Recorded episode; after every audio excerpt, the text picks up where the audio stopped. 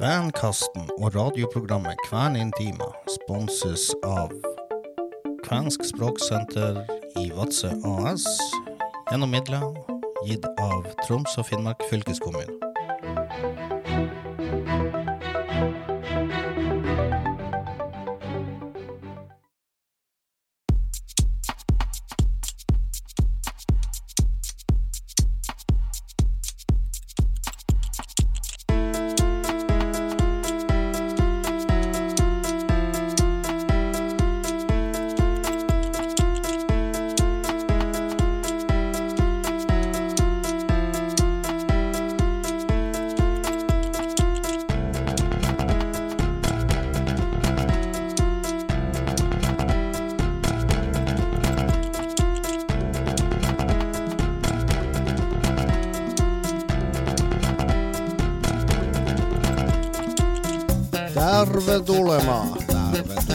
Tervetuloa Kvänkastin ja tervetuloa Kvänintiimaan.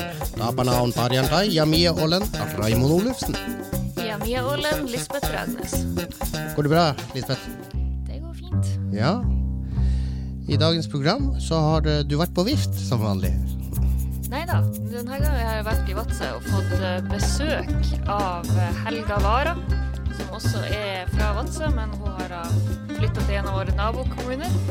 Men hun kom på besøk ene alene for å lære meg grindveving, siden vi skal ha kurs i det på museet. Hva i alle dager er grindveving for noe? Det er en type vev, så det skal vi få vi høre om i praten med Helga, hvor hun da demonstrerer hvordan man ikke bare vever på grindvev, men også hvordan man kan lage en grindvev hvis det er sånn at posten bruker veldig lang tid på å sende de grindvevene som du hadde bestilt. Spennende, spennende. I tillegg da så har vi også et lite kvensk minikurs. Eh, Vi får besøk av Aili Eriksen. Da kjører vi bare i gang med din lille samtale med Helga. Ja, her er Helga og vevekurs og litt samtale om eh, Basert på de foredragene som hun har hatt her på museet, også om hva som gjør at hun henter inspirasjon fra tradisjoner og bruker det å lage moderne kvensk eh, vevekunst. OK, vi hører på. Ok, da Da er vi i gang. Helga skal lære meg å veve på grindvev, men jeg har ikke noe grindvev. Men Helga vet jo godt, da må du bare forklare hva du Nøden lærer naken kvinne å spinne. Og sein postgang lærer kvendamer å lage grindvev av melkekartong. Så nå så tar vi og lager en hjemmelagd grindvev med utgangspunkt i en pappkartong. Ja. Ok, Ok, så du bare klipper ut én side. Ja, for du ser at nå har vi jo eh, ramma til grindveven. Så lager vi bare hull og splinter i den her, og så bare løfter og senker vi den, sånn som vi ville gjort med de her eh, ferdiglagde plastrammene. Den var 19,2 cm lang. 192 delt på 2, det er 96, altså 9,6 cm. Der er. Og så tror du at vi sier 1 cm hver på hver side, bare for at da vet vi at det er bredt nok. Der der. Det blir jo et lite da, men i og med at vi må, vi må gjøre så godt vi kan med det vi har, så da Jeg tok bare og søkte opp finske jernalderdrakter, bare sånn. Siden vi nå snakka om hvor gammelt brikkevev er, og hva det har vært brukt til. Ja, fordi du har jo forska litt på historien. Ja, eller ikke forska. Oi, der skar jeg meg. Hører med. Oi, Trenger du plaster? Nei da, jeg vet jeg kjente det ikke engang. Nå har jeg akkurat lært forskjellen på brikkevev og grindvev. Ja. Begge to er jo um, Begge to er teknikker for å veve dekorative bånd. Brikkevev er antagelig litt eldre enn grindvev. Men de siste 100 årene så har grindvev vært det mest populære både i norsk, samisk og kvensk håndverk. Kanskje du har en liten serviett? Vampyriske undertoner på vevkvelding. Som sagt, jeg kjenner det ikke engang. Blod, svette og tårer. Og. Man må lide for kunsten.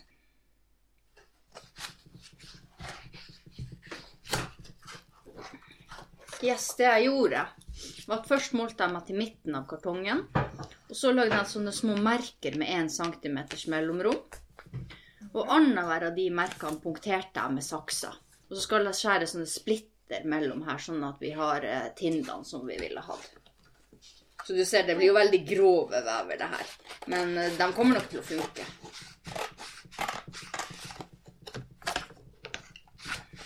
Får eh, bli litt smale bånd. Vi får liksom ikke så mange tinder og hull som vi ville fått om vi hadde de vevene som ble forsinka i posten. Men det går helt fint til noen smale kommander. Så blir det jo første gang jeg skal være der. Så da Ja. Så da når du klarer å veve på de her, da klarer du å veve på alt. Så var det tindene. Ja, så én centimeter fra Og gjorde du noe om de hullene Nei, de trenger ikke være midt på. Eh, De burde helst vært det, men jeg bare knøvla det til. Men det skal nok gå helt fint uten. Det viktigste er at tindene er såpass lange at vi får en god nok splitt. lærer er veldig mye nye ord. De her hullene som er i den veven på langs, de heter tinder. Ja, tinder eller spalter. Så er det annenhver Annenhver skal du punktere med hull, sånn at du får et eh, med saksa så du får et hull. Og så etter, når, når jeg har tatt alle hullene, så tar jeg og skjærer tindene ut. Ja. Det man også kan gjøre hvis man vil lage sånne her vevgrinder, er at man har ispinner. Og så tar man bare og driller et hull i midten av ispinnene, og så limer man dem på hver sin sånn. Da blir det jo mye mer stødig enn de her. At du bare har en pinne oppe og en nede, og så ispinner. Ja. Og så, li- så bare, du har bare å drille hull i midten av ispinnene, og så limer du dem på. For da liksom blir det jo mellom hver ispinne, det blir tinda. Og så hullet som er inne i ispinna, det blir hullet i selve grinda. 10 eller 20 pinner bør 20 ville jeg tenkt. 20 ispinner. Det blir jo en veldig bred grindvev, men det er en sånn sløydaktivitet man kan ha med unger. Så 1, 2, 2, 4, 6, 8, 10, 12, 14, 16, 17. Ja, det blir et smalt lite bånd det her, og det blir interessant å se om det her funker. Men om, ikke om veven ikke funker til selve vevprosessen, så funker i hvert fall den her til å renne det opp. Ja. Må- Skytlene kom kanskje heller ikke. Nei. Men da lager vi en skyttel, Ja. og det blir betraktelig enklere. Du ser, nå har jeg lagd en skyttel. Det var ikke verre enn som så. Hvorfor må den være sånn her med hakk i enden? Fordi at du skal surre innslagstråden rundt sånn her. Og hvis den bare er liksom rund, så kan innslagstråden hoppe av. Men du ser liksom når man surrer innslaget rundt den her, så er det sikra på selve. Og sånn som Ja. når man har en tregrind, så det, når, du ser, når, du får, eh, når du får skytlene, så kommer du til å merke at den ene sida er ofte skarp, mens den andre er stump. Og det er sånn at da kan du slå innslaget tettere med bruk av den skarpe, eller den litt avskjerpa sida. Den er jo ikke så skarp at den kutter trådene.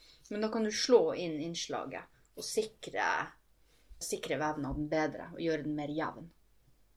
Yes! Da skal vi velge farger. Og Hvor mange tråder trenger jeg?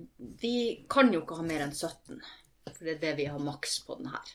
Så jeg tror vi bare setter opp et prøvebånd i stedet for å sette opp en hel sånn lengde, sånn som vi ville forventa til, til et komagebånd. Ja.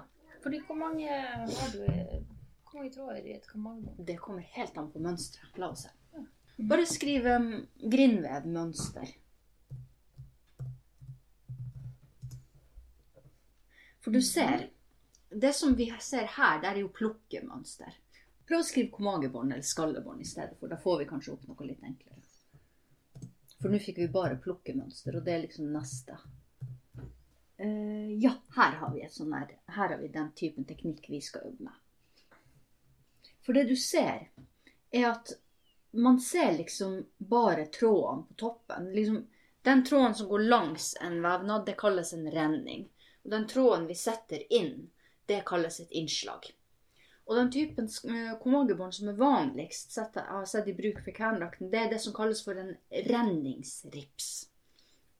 Og en renningsrips, det betyr at renninga er satt sånn at man nesten ikke ser innslaget. Du ser, Man ser litt av innslaget, men det ferdige uttrykket er dominert av renningstrådene som går langs etter. Og en sånn type vevnad er veldig fleksibel. Og det som er veldig hensiktsmessig med denne typen vevnad, er at når man vikler det rundt leggen, så legger det seg rundt muskulaturen og stabiliserer skoen, samtidig som det ikke sklir ned. Og det er jo bredere grind man har, jo bredere bånd kan man lage. Du ser at det her båndet det må ha en 40-50 tråder i renninga. Og det blir ganske bredt. Men det vi skal lage i dag, det blir jo bare et lite prøvebånd. Har du et eh, ark eller noe jeg bare kan tegne et kjapt mønster med? Jeg tror at vi holder oss til to farger i dag. Ja. Men det var litt artig med det skallebåndet vi fant. Det er faktisk Grenselandmuseet. Altså, Ja, ja, for det der ser jeg. Det der er en av de her eh, Ofte så har jeg sett de båndene jeg har sett folk har i Tana. Det er den her typen bånd med langsgående midtstripe og enkle, enkle enten sikksaksmønster eller rutemønster på kantene. Så tenker jeg det vi også kan gjøre i dag, er at vi kan sette opp renning til en sånn her åttetrådsflette som vi skal feste båndet med. For hvis du tar opp, så ser du her uten plukk et mønster.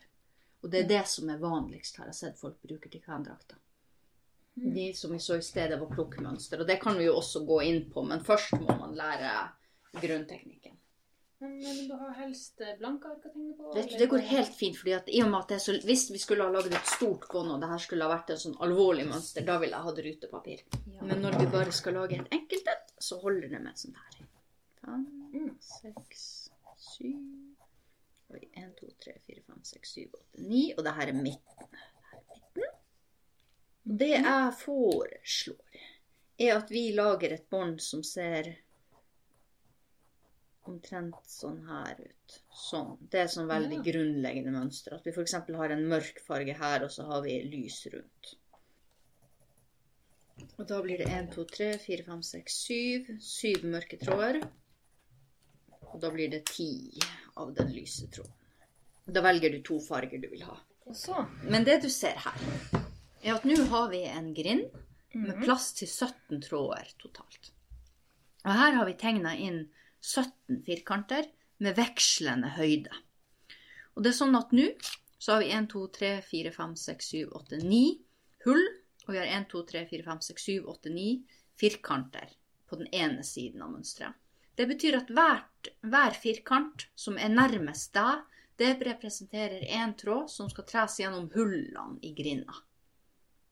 Og det vil samtidig si at hver firkant som er nærmest meg, representerer én tråd som skal tres inn i spaltene i tinna. Og det vi skal gjøre nå, er at vi skal lage et renning. Nå skal vi lage renning til veven. Og da er det først sånn at vi må telle opp hvor mye skal vi ha av hver farge, og vi skal ha ti av dem. Og når vi skal lage den enkleste Hvis man ikke har spesialisert renningsutstyr, så skal vi gjøre det vi skal gjøre nå. Og det vi skal gjøre, er at vi skal finne to fikserte punkt som utgjør lengden på renningstråden vår. Og så skal vi trekke trådene fram og tilbake til vi har så mange tråder vi trenger. Ja. Oi. Ja. Jeg tror den havna inn mellom plankene der. Men bare trekk den ned, ser du. Den mm. eh, Sett bare hånda di litt nærmere stolryggen, så blir den her litt løsere. Så får du satt saksa inn mellom. Sånn. Eh, nei. du ser sånn. Sånn. For nå når du trekker saksa inn, så kommer den til å stramme seg. Det er artig. Sånne her ting man ikke har gjort før. Men greia er at sånne her ting, å lære sånne her ting ved å lese det i en bok, det går ikke an. For det her er, mm, det her er proseduralkunnskap. Det er motorisk læring. Så det er kjempelett å lære det når man har noen å samarbeide med, men å prøve å lese det her og se det ut fra bilder, det er forbaska tungt å lære. Mm. OK, men nå har vi Nå har vi lagd renninga vår. Og sånn som du ser, her har jeg tegna av midten på mønsteret. Og midten på mønsteret representerer det midterste hullet her. Og sånn som du ser, den midterste tråden, den skal være mørk. Så trær jeg den inn her. La oss vil kanskje Dette blir spennende. Ja da, det går. Sånn. Jeg trær den inn. Og så ser du at nå skal jeg, på hver av tindene ved siden av, så skal jeg også ha to mørke tråder. Så da på likedan måte trær av de mørke trådene inn i tindene. Det neste vi skal ta nå, det er et hull. Det er det hullet. Hvilken farge skal det hullet være? eh, Den skal være lys. Yes. Mhm. Perfekt. Så ser du at du skal tre en tinde. Ja, den skal Den skal være være svart. Du ser, det er logisk, det her. Mm. Det er bare det at man må lære seg å lese mønstre. Og ripsrenning, sånn som vi skal gjøre nå, da er det ikke noe videre manipulasjon av renninga underveis i vevinga. Da hever og senker du bare grinda og setter inn innslaget. Så det eneste du trenger å holde tunga rett i munnen, er når du skal tre grinda. Når man skal lære å veve, det første man må få inn, er motorikken og rytmen i arbeidet. Og når man har fått inn det, da kan man begynne på mønster der man er nødt til å manipulere renninga underveis, sånn som plukkemønster. Men ripsrenning, for det første, er det veldig stabile bånd. Det er bånd som er fleksible til å vikle rundt fotene. Og det er bånd som er raske å veve, og man får inn rytmen. Så det er perfekte treningsbånd. Mengdetreningsbånd. Og det er også, i hvert fall har jeg sett Jeg, har, jeg tror ikke jeg har sett på kvendrakten noen som bruker plukkebånd. Jeg er jo nerd, så jeg bruker brikkevevde bånd, men det er for at jeg er mer glad i brikkevev enn. Jeg på at hvis jeg lærer det her, så kommer jeg til å tenke herregud, det er så helt rart ut. Men nå føler jeg at det her er helt fantastisk. Det her er Se her. Oi, oi, oi. Ja, greia er den at man skal begynne med det som man Man skal ikke begynne for ambisiøst. Og det å begynne med denne typen bånd og forstå hvordan man leser et træingsdiagram, det er jo forutsetninger for at man senere kan lage mer avanserte ting. Bånd som er lagd med renningsrips, er jo på ingen måte mindre verdt enn plukkbånd. Det er bare at plukkbånd eh, brukes oftere i bunader og i kofter. Så renningsripsbånd har kommet litt i skyggen av dem. Når begynte du med Brikkevev begynte jeg med i 2014. Så grindveven kom litt senere. Men i og med at jeg har drevet mest med sånn jernalderformidling, så er det jo brikkevev som har vært mest min ting. Yes! Yes. Så nå har vi en renning. Nå har vi laget ferdig en renning. Så nå skal vi feste renninga, og så skal vi begynne å veve. Når man vever i sitt eget hus, så er det lurt å feste renninga i et fast punkt. Så f.eks. ikke kjøleskapsdøra. Den trenger du til andre ting enn vev. Så det du ser nå, tar jeg hele renninga, knyter jeg den bare rundt øreklokken. Du ser nå, nå er jo dette en veldig kort renning. Men ofte så er det sånn hvis man har en lang renning, så sitter trådene litt inni hverandre. Eller de knoter litt til, eller de er fletta opp i renningsfletter.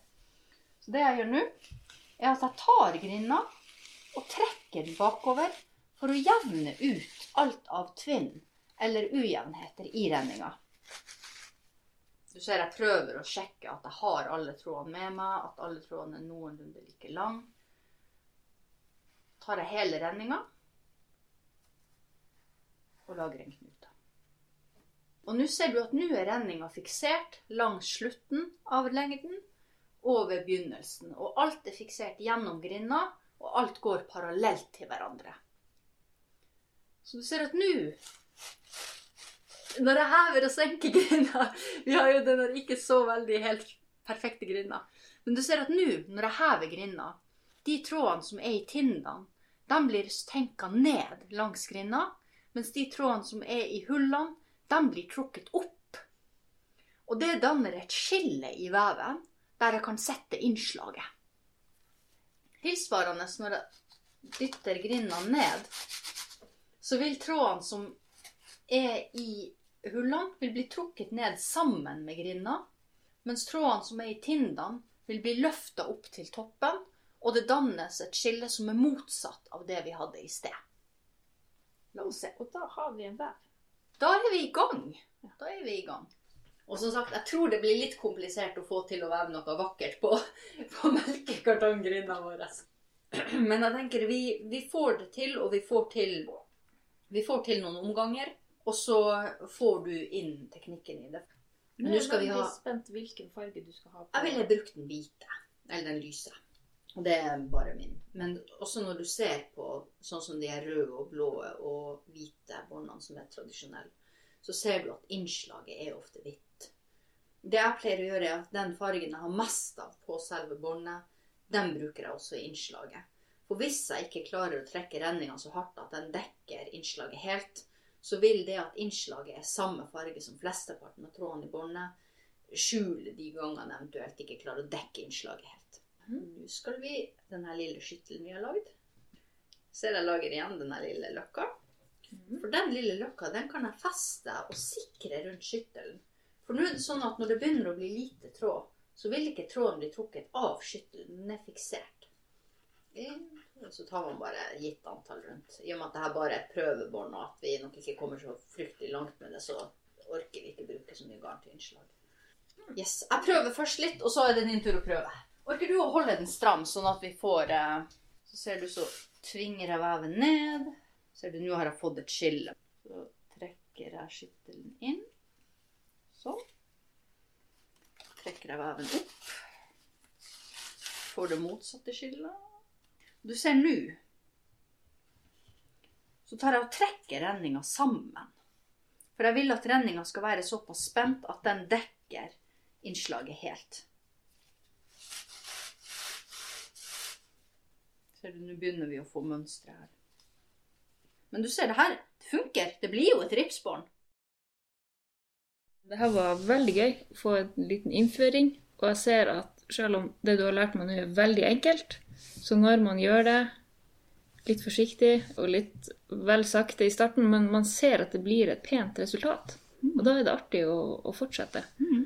Selv om det er på en måte enkelt. Det Ja. fint. Og det at ting er enkelt, men vakkert, og at det er holdbart og det funker, det er veldig i henhold til filosofien og estetikken til folkene på Nordkalotten.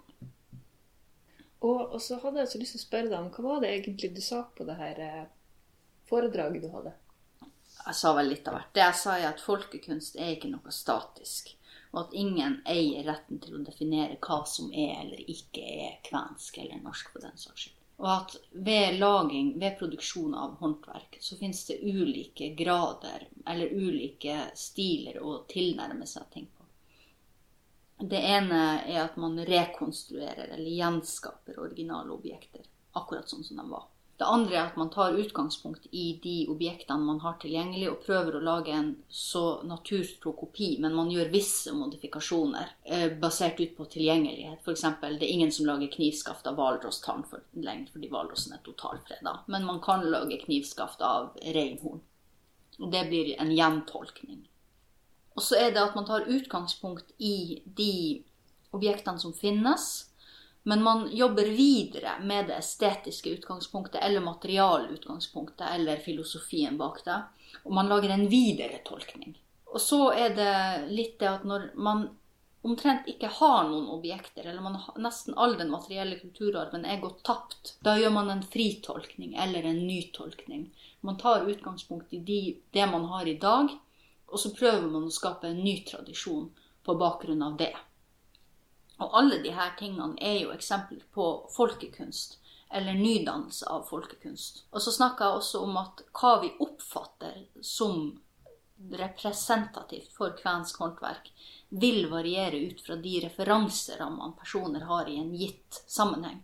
Så tok jeg utgangspunkt i et sånt sølvsmykke som er fra Skjervøy, som, uten, som var originalen som man designa sølvet til kvendrakten for. Det er et eh, finskprodusert smykke fra jernalderen som er funnet i um, Troms. Og det som er at i dag vil jo ikke kvener identifisere det opprinnelige 1000 år gamle finske smykket som et uttrykk for finsk kulturarv i Nord-Norge. Men de vil identifisere kvensølvet som er en videretolkning. Så da er det igjen at referanserammene for hva som representerer håndverk i en gitt kulturell kontekst, vil ikke være statisk. Det vil være påvirka av hva personer kjenner igjen, og hva vi i fellesskap identifiserer oss med. Hvor lenge har du holdt på med veving og Mm, Som sagt, jeg begynte jo med brikkevev for åtte år siden. Og så tekstilvev kom vel i 2016, så smått. Så tekstilvev har jeg holdt på med i seks år. Men klessøm det begynte jeg med i 2010. Men jeg begynte først med moderne klær, og så gikk det gradvis over til mer historiske drakter. Og så en mellomting. Du ser jeg bruker jo sånn her mellomting hele tida. Men jeg begynte å brodere da jeg var åtte. Så jeg holdt på med, hånd- jeg har holdt på med tekstilhåndverk helt siden jeg var barn. Og så har det blitt mer avansert etter hvert som jeg har blitt mer voksen og kunne gjøre mer avanserte ting. Men har du holdt på like lenge med at det skal være kvensk? håndverk? Jeg har jo ønska å kunne lage kvenske ting. Men jeg tror at når man er ny, og når man er ung, og det er høyt eh, temperatur i debatten rundt det kvenske, så er det litt skummelt å forsøke. Men når man er blitt eldre, og man har mer tekstilfaglig tyngde bak de tingene man gjør. Og videre man er psykolog, så man skjønner at det her er hersketeknikker. Og man ser liksom de sosiale prosessene. Da blir det litt mer sånn her at Eller hva.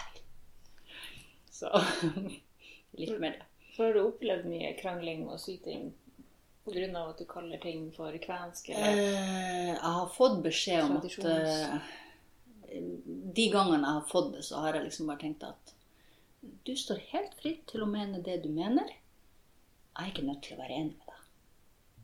Og jeg syns nå også at folk, særlig unge folk, bare gjør sin greie. Mm. Og det har gjort det lettere for meg å jobbe der hvor jeg jobber. Det at man kan liksom skape så mye flott kunst, det er jo bare positivt. Ja.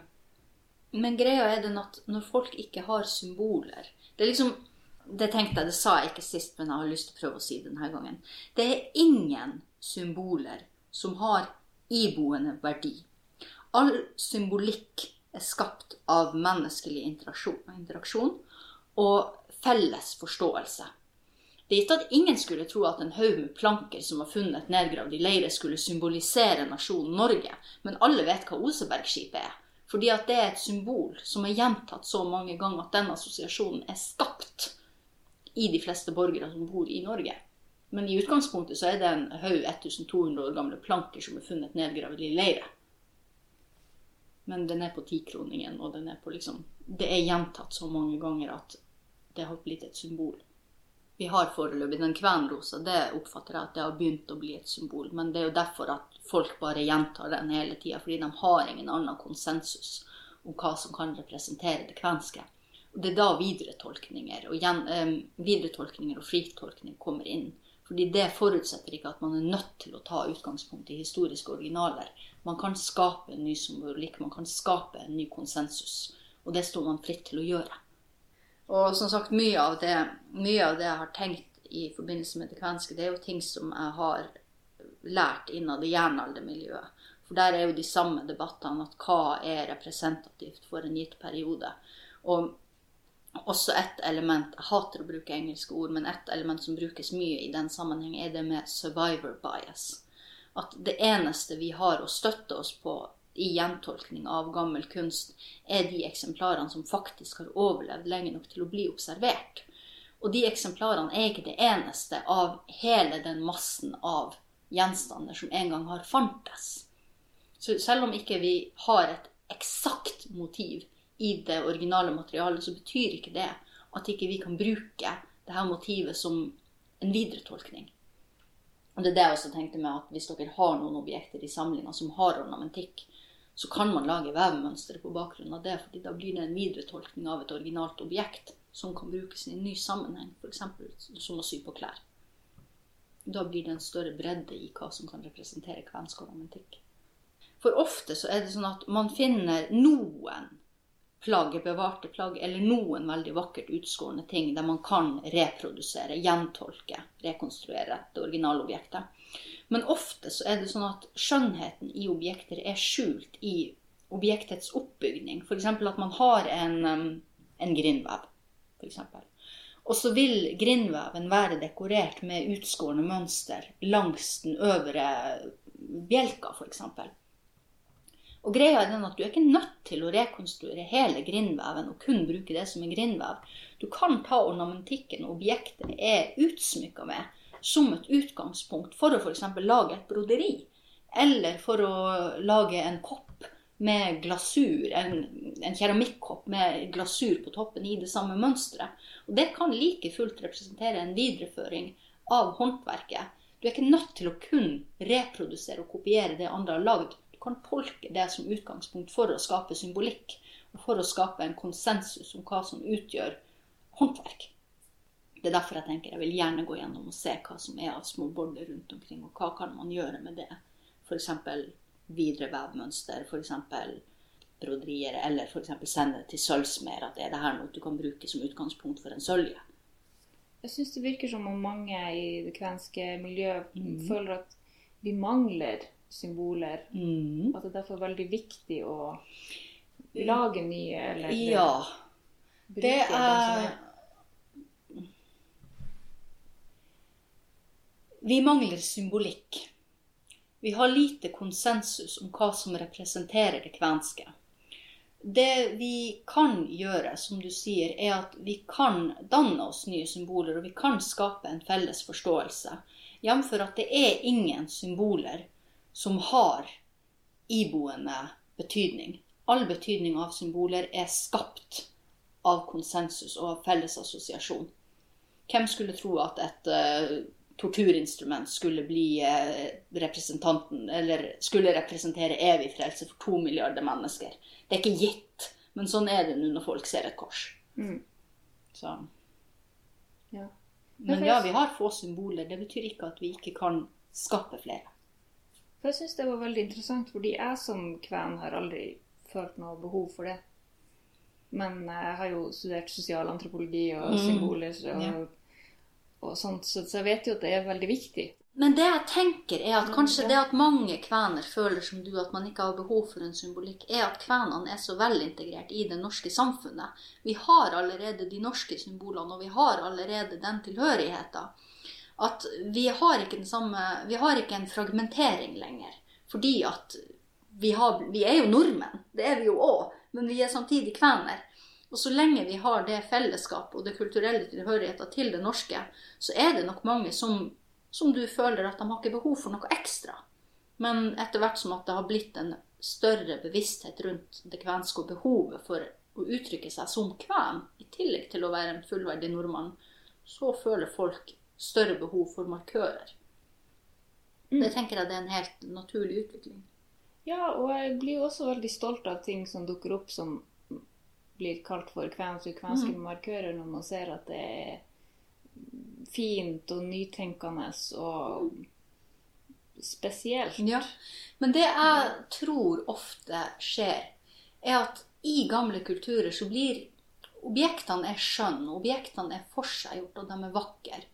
Men samtidig så er det sånn at objektene og deres skjønnhet blir ikke ilagt egenverdi. Så når objektet er brukt opp, så beholder man det ikke som et kunstverk etterpå. Sånn som vi f.eks. gjør i dag med at vi har gamle rosemalte møbler som ingen får lov til å sitte på, for da blir de ødelagt. Mens før så ville man tatt det møbelet og kanskje brukt det som gulvplanke på utedoen.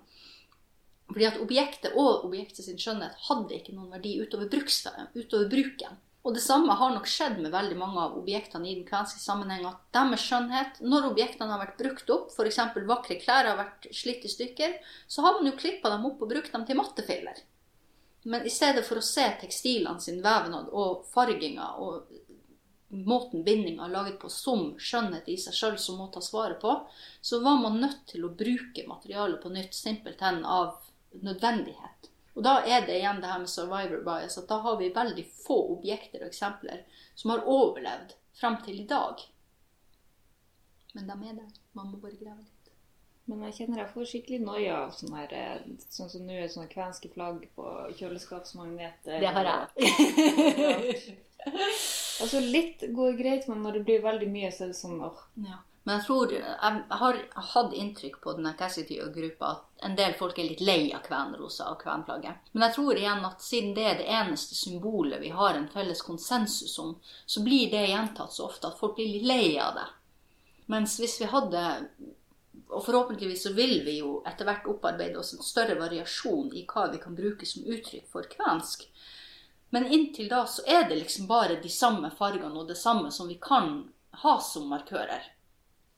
Og da tenker jeg, da er det jo et godt utgangspunkt at man som håndverker tør å gi litt faen og bare jobbe videre og si at jo, det her er kvensk. Jeg har laget det med utgangspunkt i meg som kven og som en representasjon for min bakgrunn. Da er det kvensk. Hvorfor kan jeg lage noe som er norsk, men jeg kan ikke lage noe som er kvensk? Ingen ville betvilt meg om jeg sa at jeg lagde en norsk kjole. Hvorfor, kan jeg da hvorfor må jeg da bevise at det jeg lager, er kvensk? Det virker også som veldig mange henter da inspirasjon i fortida når man skal lage noe kvensk. Men vi er jo moderne kvener. Vi kan Ja, være men jeg tenker da-? Da både og. Jeg tenker vi står jo alle fritt til å gjøre fritolkninger. Det står vi. Og vi kan jo være kvenske håndverkere selv om vi ikke lager ting som er reproduksjoner eller videretolkninger av gamle ting. Med å lage noe, lage et objekt eller en dekorasjon med utgangspunkt i sin egen identitetsfølelse, så blir det skapte objektet en representasjon av den personen man er. Uavhengig av om man er kven eller nordmann eller same eller hva man nå enn er. Begge de her to tolkningene eksisterer parallelt. Og det er ikke sånn at den ene har mer validitet over den andre. Det får være mitt subjektive utgangspunkt når jeg forstår håndverk. Så andre som er uenige med meg, står helt fritt til å være det. Nei, jeg er jo helt enig med deg, men er det liksom noe med vår generasjon og det at vi har gått eh, 100 år på universitetet og lært Ja, men jeg tenker også er før, så var det her, før så var det her så selvsagt. Det er først når vi har tapt noe, når vi har tapt selvfølgeligheten i noe, at vi må begynne å diskutere hva er det her egentlig. La oss prøve å finne et moderne eksempel. Hva du tenker nå at vi har mista i Nei, jeg tenker noe som nå i dag er så selvfølgelig at ingen ville diskutert hva det egentlig var for noe. Hva er stemmerett? Og hva implikerer stemmerett? Eller hva implikerer myndighetsalder? Hva betyr det at man er kommet i myndighetsalder? Det er noe som vi alle tar for gitt fordi at det er en grunn eh, forutsetninger for samfunnet vårt. Det er bygd opp rundt er du myndig, er du ikke myndig, når kan du gjøre visse ting. Det er først når, sam, når sånne samfunnsstrukturer eller en sånn felles forståelse er tapt, at man kan ha rom for denne typen diskusjoner. Hva er det egentlig vi snakker om nå? Men når noe er en, så etablert i et sosialt fellesskap, så er det ingen som vil diskutere den tingens vesen. Og det samme at når når den nonverbale forståelsen av hva det er å være kven, er borte, så åpner det for en verbal og tidvis veldig eh, høytemperert diskusjon om hva er egentlig en kven. Og det vil jo på samme måte som hva er en nordmann være et begrep som er i endring, og som har mange flere betydninger samtidig. Ja, så har jeg sett på Facebook at når du syr klær og antrekk, så blander du gjerne Ja, for jeg er jo like mye nordmann som jeg er kven. Mamma er jo norsk, og pappa er kven. Og jeg har jo ikke lyst til å velge vekk den ene for å få lov til å være den andre. Så er jo like glad i å sy vikingklær og bunadsting som jeg er i å sy kvenske ting. Og de moderne klærne jeg har, er jo historiske klær som er modernisert. Det, fordi det er det jeg har lyst til å gå med, og det er det jeg kan lage. Eller jeg kan lage det, så da stopper ingen meg fra å gjøre det. Ja, så det du har på deg nå, det har du sydd sjøl? Den har jeg sydd sjøl. Det er en 100 ull